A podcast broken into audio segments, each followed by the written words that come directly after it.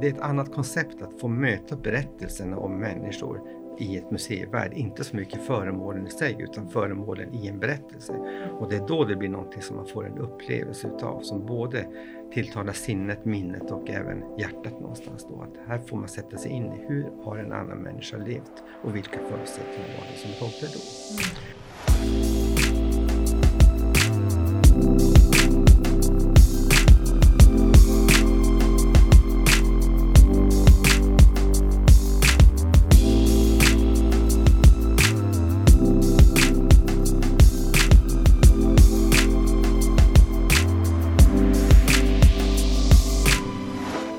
Egentligen kultur och kan kulturen vidga våra vyer och väcka engagemang? Var finns kultur och kan kultur få oss människor att må bra, utvecklas och påverka samhället i en positiv riktning?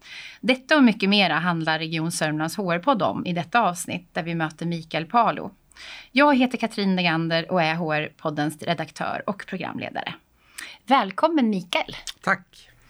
Vad spännande att ha dig här idag. Vi tänkte att du skulle få börja med att berätta om vem du är och ditt uppdrag i regionen.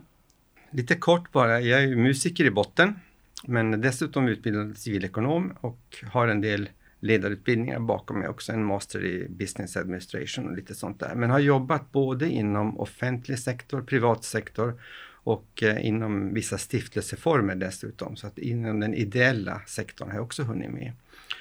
Både inom kultur, utbildning eller affärsverksamhet. Så det har blivit en hel del som har tagit med sig i sin ryggsäck idag. Mm. Och idag jobbar jag då som kultur och utbildningschef eller verksamhetsområdeschef här i Region Sörmland för kultur och utbildning. Då kommer ju självklart min nästa fråga att bli, vad består kulturutbildning av? Jag vet att det är ett stort ja. verksamhetsområde. Vi brukar kalla det för regionens diversehandel eftersom det innehåller både musik, teater, dans, film, museiverksamhet, kulturmiljövård, hemslöjd. Eh, det innehåller också en hel del annat som vi brukar säga då, bild och form, konst eller konstnärsfrämjande. Då. Dessutom då två folkhögskolor på Eskilstuna och Åsa folkhögskola och nat Naturbruksgymnasiet på Nynäs och Öcknaskolan. Då. Mm många olika delar. Vi har ju ja. haft besök här tidigare i podden av Daniel Berton. Ja. Så eh, det känner vi igen och han är ju rektor på Åsa folkhögskola och Eskilstuna folkhögskola. På försök så är han just nu rektor på båda skolorna. Vi ah. försöker ha en gemensam ledning för att få likvärdighet i de mm. två skolorna. Mm. När det gäller då både utbytet och utbudet till eh, medborgarna överhuvudtaget. Att det ska finnas bra kompletterande sortiment som inte ska konkurrera med varandra utan bara komplettera varandra. Just det. Viktigt. Jag har letat på en eh, bra definition av ordet kultur. Och sen beror det ju på vad vi menar för kultur. Det finns ju bakteriekulturer och allt möjligt. Men jag försökte hitta en, en definition. Men hur skulle du vilja förklara vad kultur är för någonting? Om jag kunde förklara det bra så skulle jag förmodligen vara kulturminister idag. eh, jag brukar säga så här att kultur kommer ju av ordet, eh, latinska ordet för kultur, alltså att växa. Och jag tycker att mycket av det som infattas i kulturbegreppet och även i bildning och utbildning är ju det som får människor att växa. Och det är det som egentligen är det roliga när man ser att oavsett om man tar del av musik, konst, en skulptur, en utemiljö, en naturupplevelse eller, vad man kan, eller bara få en insikt i sitt eget liv så växer man som individ. Så allt det kan innefattas i kulturbegreppet egentligen. Sen brukar man dela upp det i, i konstformer, alltså hur man uttrycker sin, sitt kreativa skapande. Man kan dela upp det i vad man tar emot upplevelsen utav kulturbegreppet och konstbegreppet. Så det är lite svårt mm. att säga vad man egentligen ska definiera kulturen för det kan rymma så otroligt mycket hela tiden. Och det ligger lite grann i den som tar emot och tar del av kulturen och den som utför och genomför kultur och konst att faktiskt definiera vad är det för mig hela tiden. Ja, så och det, det, öppnar väl upp egentligen tänker jag för någonting positivt. Att ja. man kan inte säga att nej, jag gillar inte kultur. Nej, jag tror att det är väldigt svårt att säga att det finns ja. alltid någonting. För hur skulle ett samhälle vara utan ja. konst och kultur? Ta bort teater, ta bort film, ta bort litteraturen, ta bort musiken, ta bort allt som förknippas med kultur överhuvudtaget. Vad är kvar då? Oh, bara tråkigheter. ja, i, varje fall tror jag att man behöver det som människa för att kunna få växa som individ. Mm. Och det innebär ju att om du inte har det så kommer du förmodligen att bara bli ganska basal. Du äter, sover, jobbar, mm. vad du nu gör. För kultur kan också vara matkultur, det kan vara motorkultur exempelvis också. Så det finns otroligt mycket begreppet kultur Mm. Och man väljer lite vad man vill växa utav. Mm. Hur viktigt är egentligen då skapande och kreativitet för oss människor? För vi kommer lite in i det. Om man tänker att man riktar in sig på något av de här områdena, man kan självklart ha många olika intressen, men att få vara skapande och få uppleva eller känna att man är kreativ, hur stor betydelse tror du att det har för människor? Jag tror att det har väldigt stor betydelse och vi håller nu på att ta fram en ny kulturplan inom regionen där vi pratar just om begreppen konsten, människan och samhället. Det vill säga att de tre relaterar till varann där konsten är det som man faktiskt kan genomföra eller ta del av. Man, man, är delaktig i det skapandet eller så tar man del utav det. Och de bitarna är väldigt viktiga. Och för samhället blir det då, vi måste skapa förutsättningar för konsten och för konstens utövare och de som tar emot konst. Och då tycker jag att man får ett fungerande samhälle som gör att människor kan växa, människor kan ta del av, av det som de själva kan bidra med och ta del av vad andra har bidragit med. Och då tror jag man som både människa och samhälle faktiskt kan växa och förkovras. Det är det jag brukar ibland säga, det är livskvalitet. Mm. Mm. Hur kommer man i kontakt med er? Jag tänker om man inte vet så mycket om alla verksamheter och man vill titta, vad finns det för aktiviteter? Vad kan jag lyssna på? Vad kan jag vara mm. med i? Hur hittar man enklast till er? Just till kultur och utbildningsverksamheter så har vi en hel del. Vi är ju kanske den som i landet är allra främst på att göra scenkonstföreställningar till barn mellan 5 och 15 år. Eh, alla barn mellan 5 och 15 år erbjuds två föreställningar per år inom scenkonst och numera också inom film. Och framöver på sikt tror jag vi kommer att kunna bredda det till att också erbjuda annat än bara scenkonstverksamhet. Eh, där är vi väldigt stora så att vi brukar säga att våra 37 000 barn får i alla fall kanske två sådana upplevelser, åtminstone i skolan varje år. Vi har också ganska mycket äldreboendeverksamhet inom omsorgen, framförallt ute i den kommunala omsorgen. Vi gör ungefär 200 program där per år. Och hade vi resurser skulle vi kunna göra mycket, mycket mer för det efterfrågas så otroligt mycket. Eh, sen gör vi en del publika arrangemang också, men grunden är att vi gör det som är det offentliga utbudet. Sen ska man komma ihåg att det finns ett otroligt stort kulturutbud ute utanför det som vi gör inom Region Sörmland. Mm. En del är vad som kallas kommersiellt och en del är av ideella krafter och föreningar och aktörer. Och det är värt att ta del av det var man än bor överhuvudtaget. Så att det är inte bara det som Region Sörmland gör som är någonting att ta fasta på utan det finns så mycket utanför som är värt att mm. lyssna och ta del mm. av. Mm. De här ideella föreningarna, kan det vara inom eh hembygdsföreningar. Ja, ja. Sörmland är ett hembygdsföreningsstarkt län. Vi har 67 lokala Det finns så många. Ja. ja. Ehm, och det handlar väldigt mycket om kulturarvet och kulturmiljön och vad är våran hembygd? Det här är ett län som bygger väldigt på mycket den här lokala platstillhörigheten. Och där är ju hembygdsrörelsen väldigt, väldigt viktig faktiskt någonstans där. Men sen är det föreningsliv som finns inom teaterföreningar, musikgrupper, det finns eh, clownklubben exempelvis som jobbar väldigt mycket med med det som finns för sjukhusen, för de som ligger på sjukhus, framförallt för barn exempelvis. Där. All sån verksamhet är oerhört betydelsefull tror jag för den som får ta del av den. Och jag menar, en del finns bara lokalt, en del jobbar på flera ställen och en del jobbar över hela världen. Mm. Hela det spektrat finns att ta del av. Men när du säger just som in, clowner, mm. om, om vi tänker oss att man ska få kontakt inom, för det är ändå, tänker jag, är det sjukvården själva som eh, tar hjälp av er där, eller hur fungerar ja, det? Det är faktiskt en clownklubb, eller som de kallar sig själva. Mm. Och de har kontakt med hälso och sjukvården redan ja. idag. Vi mm. ger ett ekonomiskt stöd till dem för att kunna fortsätta utveckla sin mm. verksamhet mm. och även ta in nya och lära upp nya clowner hela tiden. För att det här är ett behov som tyvärr inte sinar. Mm. Vi har många, framförallt kanske barn och andra som behöver befinna sig på sjukhus. Mm. Och där är de ett komplement. Jag tänker på det här vilka ni vänder till och hur ni kommunicerar med, med kundgruppen. Det, när jag frågar mycket om kommunikation, det är för att jag frågar att det ska vara så lätt som möjligt att hitta till de olika. För när man börjar titta på en hemsida till exempel, eller vad man nu hittar på Instagram eller Facebook eller var som helst, så, så kan man liksom tänka sig, åh, det där var en spännande aktivitet mm. och det där skulle jag varit med. Men jag kanske inte alltid hittar den innan den går av stapeln. Förstår du vad jag menar? Ja. Hur hittar man aktiviteter till exempel? Alltså alla verksamheter utom just det som vi har kallat för biblioteksutveckling är ju, har ju en direkt publik. Alltså det riktar sig direkt till medborgare, till individerna. Mm. Just biblioteksutveckling riktar sig framförallt till folkbiblioteken så de har en annan målgrupp. Samtliga verksamheter utom just biblioteksutveckling har en egen webb exempelvis och där har de alltid vad är aktuellt just nu. Just det. Och det gäller även för, för folkhögskolorna och vårt naturbruksgymnasium där de alltid har vad håller vi på med just nu? Vad finns det för kurser att söka? Vad kan man gå in på för någonting nu? Nynäs är ju alltid öppet året om för besökarna exempelvis där då, så att där kan man alltid ta del av vad händer på Nynäs just nu? Eller vill man bara gå ut i naturreservatet och besöka det? Det är ren friskvård av, av både själ och fysiken om jag säger så. Absolut. Vi hade besök i podden eh, av en kvinna som heter Mia Veidal. Och hon sa just att under pandemin så har man gått ut ännu Mm. mer i naturen. Så det har verkligen fått ett uppsving. Ja, det ser vi ute Ni ser det tydligt, också. Väldigt ja. tydligt att här och ökar det med en tredjedel ungefär mot ett normalår.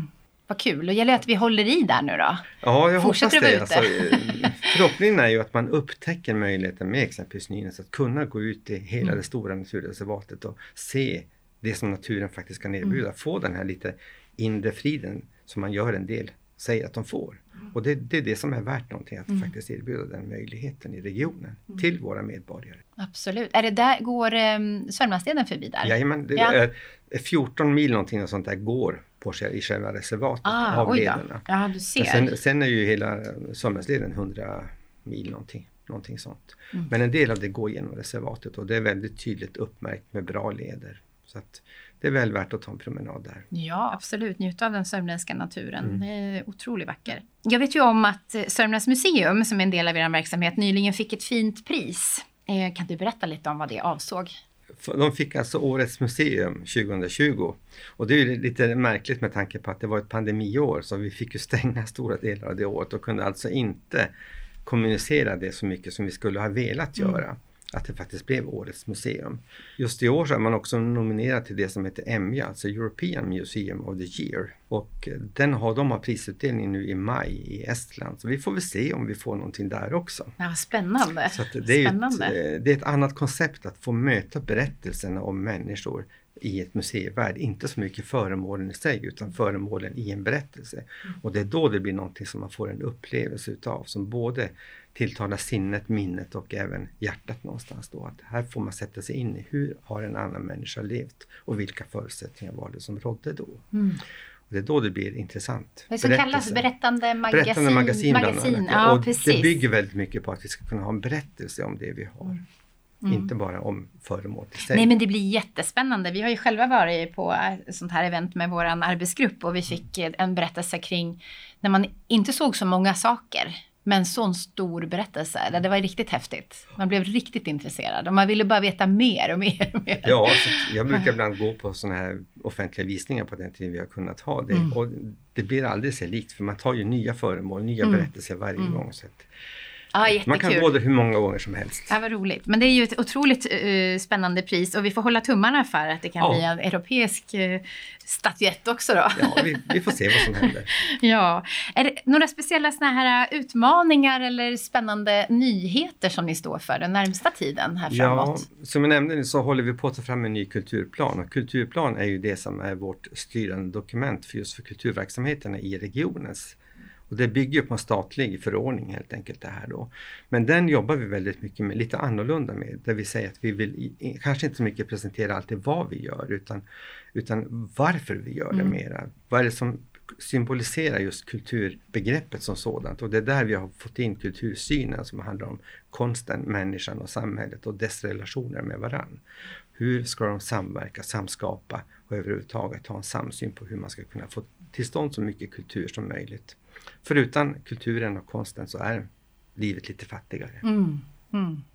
Men vilka olika samarbetsaktörer eller partners har ni, tänker jag, kring era verksamheter? Är det sånt som jag tänker som människor känner till? Är det några Mm. stora... Alltså, vi har ju alltid naturligtvis, vi har ju en, en skyldighet höll på att säga, att samverka med våra kommuner naturligtvis, nio kommuner i länet. Mm. Men vi letar också samverkanspartner och vi ger uppdrag till många andra aktörer. Clownklubben var inne på nyss, Mm. men även teaterföreningar, musikföreningar och allt annat.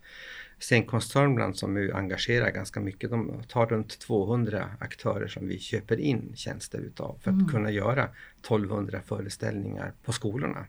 Så det är klart att vi samverkar med alla som vi ser att det här kan tillföra verksamheten någonting. Det här kan bidra och skapa någon sorts attraktivitet i vårt utbud.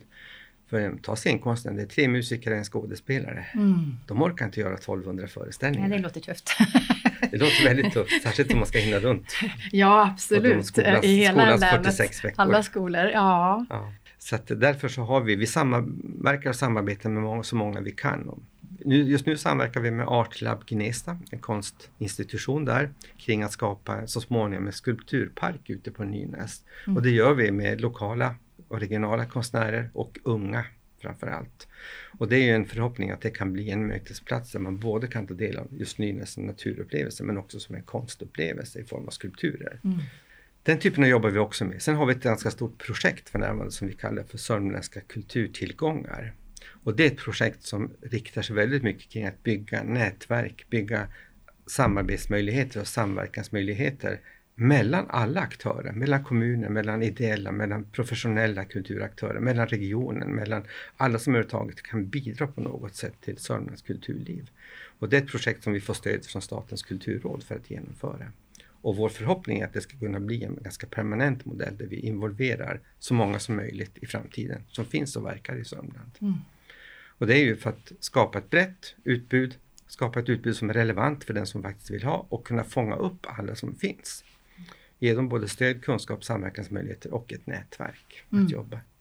Ja, för jag, jag läste ju en liten, jag får väl referera till eh, Region Stockholm som får ta åt sig äran av det här, men de har någonting som heter Uppdrag psykisk hälsa.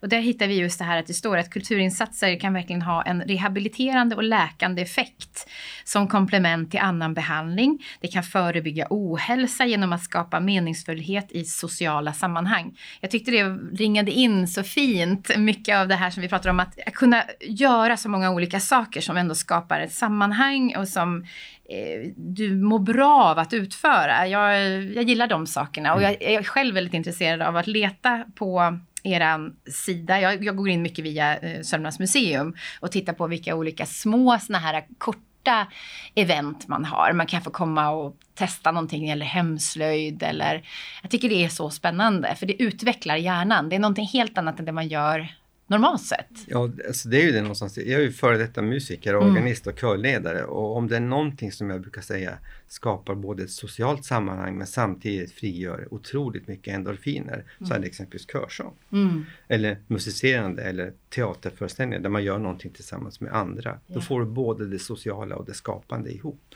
Finns det någonting inom körsång som ni själva arrangerar? Nej, nu satte du mig på... Jag skulle inte ha sagt det, för det, det gör vi faktiskt saknas. inte. Vi gör ja. inte direkt det, det gör vi inte. Men det finns otroligt många andra som gör det. Ja. I Kyrkokörer, fria ja, körer, allmänna körer. I mm. hela regionen finns det många som man mm. skulle kunna säga att här finns det möjligheten att ta del av det. Mm. Och jag tror att det är den typen av verksamhet som de beskriver i mm. Stockholm då är ju det som skapar en social samhörighet. Mm. För många år sedan så bedrev vi ett kultur på recept-projekt här i länet som tyvärr dog ut någonstans. Fast vi fick väldigt bra resultat utav det. Så jag, jag hoppas att den kommer att kunna komma tillbaka, den möjligheten att faktiskt göra om det. Att visa att kulturen har också en rehabiliterande och läkande funktion för mm. människor. Mm. Det är inte bara de somatiska sjukdomarna nej, som jag jobbar nej. med. Nej, oh nej. Utan psykosomatiska, ah. psykisk ohälsa bottnar ofta att man saknar någon sorts samhörighet eller mm. samsocial funktion eller tillhörighet.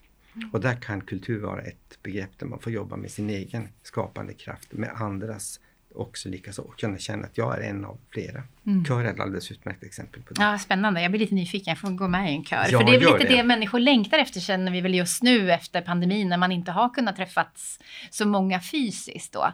Att få komma ut i lite sammanhang ja. där man träffar människor igen på ett sånt jag sätt. Tror det, att, jag tror att människor mår bra av att få ta del av ah. kultur och få skapa kultur. Alltså det, det händer någonting i människan. Jag kan fortfarande bli väldigt, väldigt berörd när jag hör en väldigt bra kör exempelvis. Mm. Då. Jag har just nu en sydafrikansk kör som jag lyssnar väldigt mycket på. Mm. Och den, den sitter väldigt mycket, då, då blir jag berörd in i hjärtat någonstans. Mm. Ja, men musik berör. Och jag musik. tror att en konst kan också göra det. Teaterföreställningar kan göra det också. Upplevelsen när man är ute i skogen kan också göra Mm. det. Du, du får någonting, inte bara den fysiska upplevelsen Nej. utan också den mentala, psykiska upplevelsen. Och den kombinationen du nämnde nyligen, det måste ju vara perfekt då. Skulpturer utomhus i skogen eller ut med en sträcka som man går. Då får man ju allt på en gång. Det känns som liksom ett paket med allt i ett. Ja, vi får se, vi, vi hoppas kunna etablera Ja, det framöver. Här nu. Ja, vad spännande. Eh, finns det någon del av er verksamhet som ni känner att många människor inte känner till och som du skulle vilja lyfta? Det mesta av verksamheten är ju ganska publik, utom just biblioteksutveckling som ju har folkbiblioteken i kommunen som primärt. Men vi har också sedan något år tillbaka ett arbete att jobba med litteratur och läsfrämjande. Och där jobbar vi framförallt med ungas litterära skapande, att kunna skriva, att kunna uttrycka sig i ord och Mm. text. Så att där har vi sommarverksamheter, vi har skolprogram, för vi har en litteraturutvecklare numera anställd för att jobba med just det. Och på sikt är väl tanken att det ska främja just det här skrivandet hos våra framtida författare.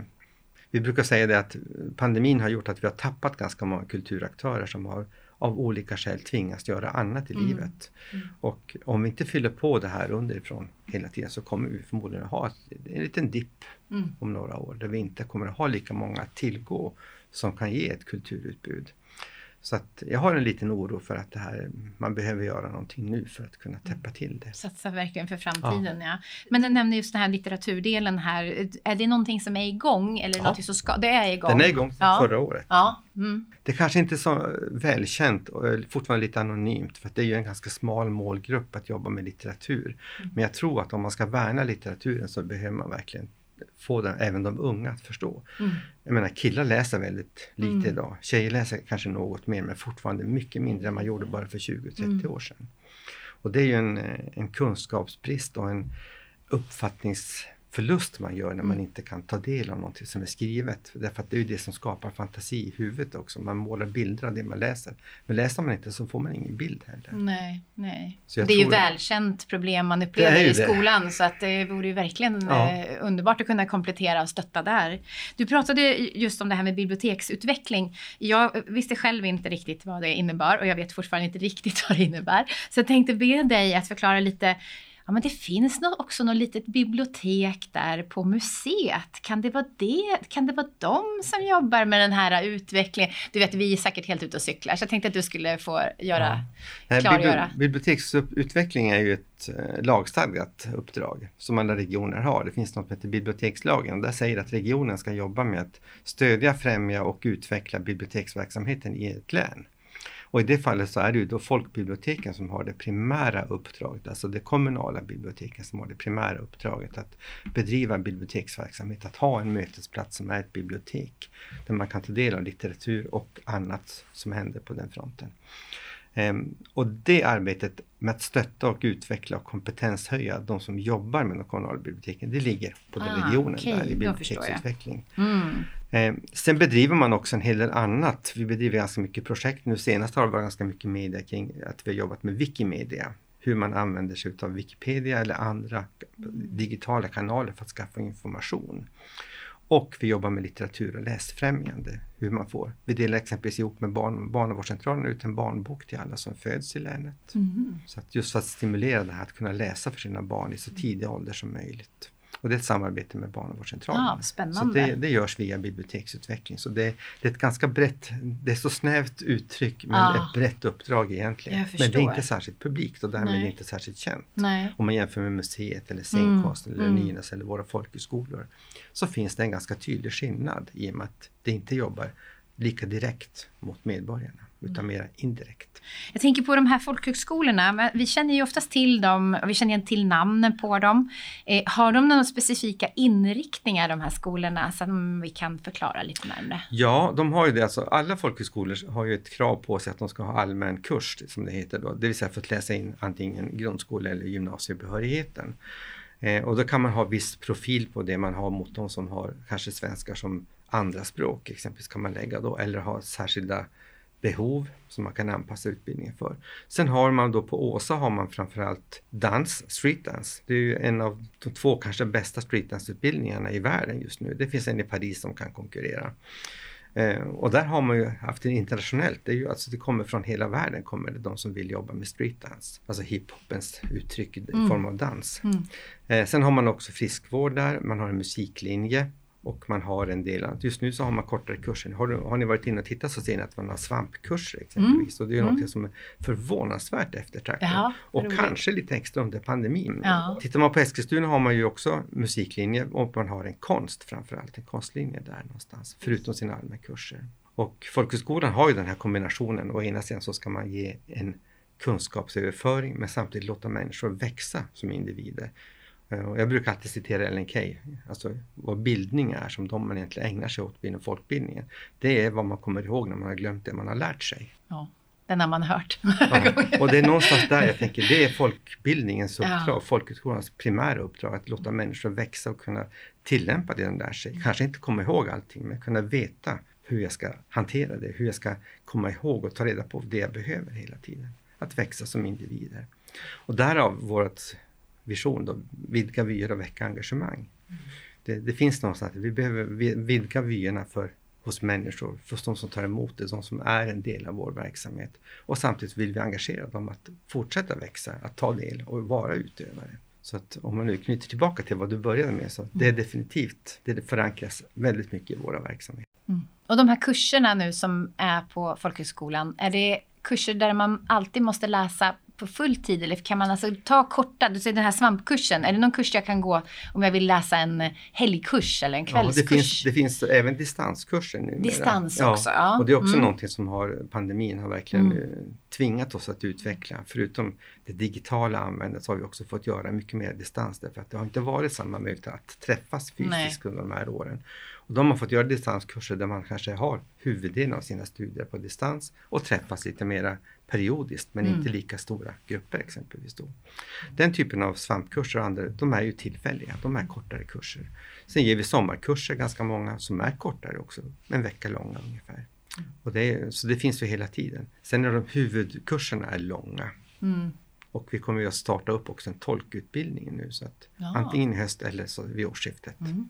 Och det är tolkutbildning, hur, hur gör man då? Är det olika språk man ja. ska tolka på? Ja. Vi kommer att välja mm. de som vi ser det största behovet i länet mm. framförallt. Mm. Mm. Prioriteringen skö ja, sköts därifrån. Det ja. därifrån. Och nu får vi väl lägga till lite ukrainska, ryska helt plötsligt. Ja, jag tänkte säga det. Det borde komma det också, för det har jag hört att det är otrolig brist på. Ja, det är ju det någonstans. Mm. Jag tror det finns 13 legitimerade i landet mm. när det gäller ukrainska exempelvis. 13? 13? Ja, det är inte många. Nej, alltså inte nej. om vi ska få ta emot nej. 75 000 nej, nej, nej, nej. Nej. Ja, då har vi ett stort, stort uppdrag ja, att ta itu med. Alla våra uppdrag är stora. Det tackar vi inte nej till, kanske. Nej. Sen bedriver vi också då, om man tar Eskilstuna folkhögskola, det vi kallar för KLIV, alltså att få in ut, utlandsfödda läkare eller sjukvårdsutbildade in i vår egen sjukvård. Då ger vi dem alltså språkutbildningen samtidigt som de får en samhällskunskapsutbildning för att kunna lättare kunna ta ta sig in i vårt samhälle samtidigt som de får praktiken på våra sjukvårdsinstitutioner. Mm. Det har varit en fantastisk möjlighet. Där har jag ja. haft en insikt i, i den delen.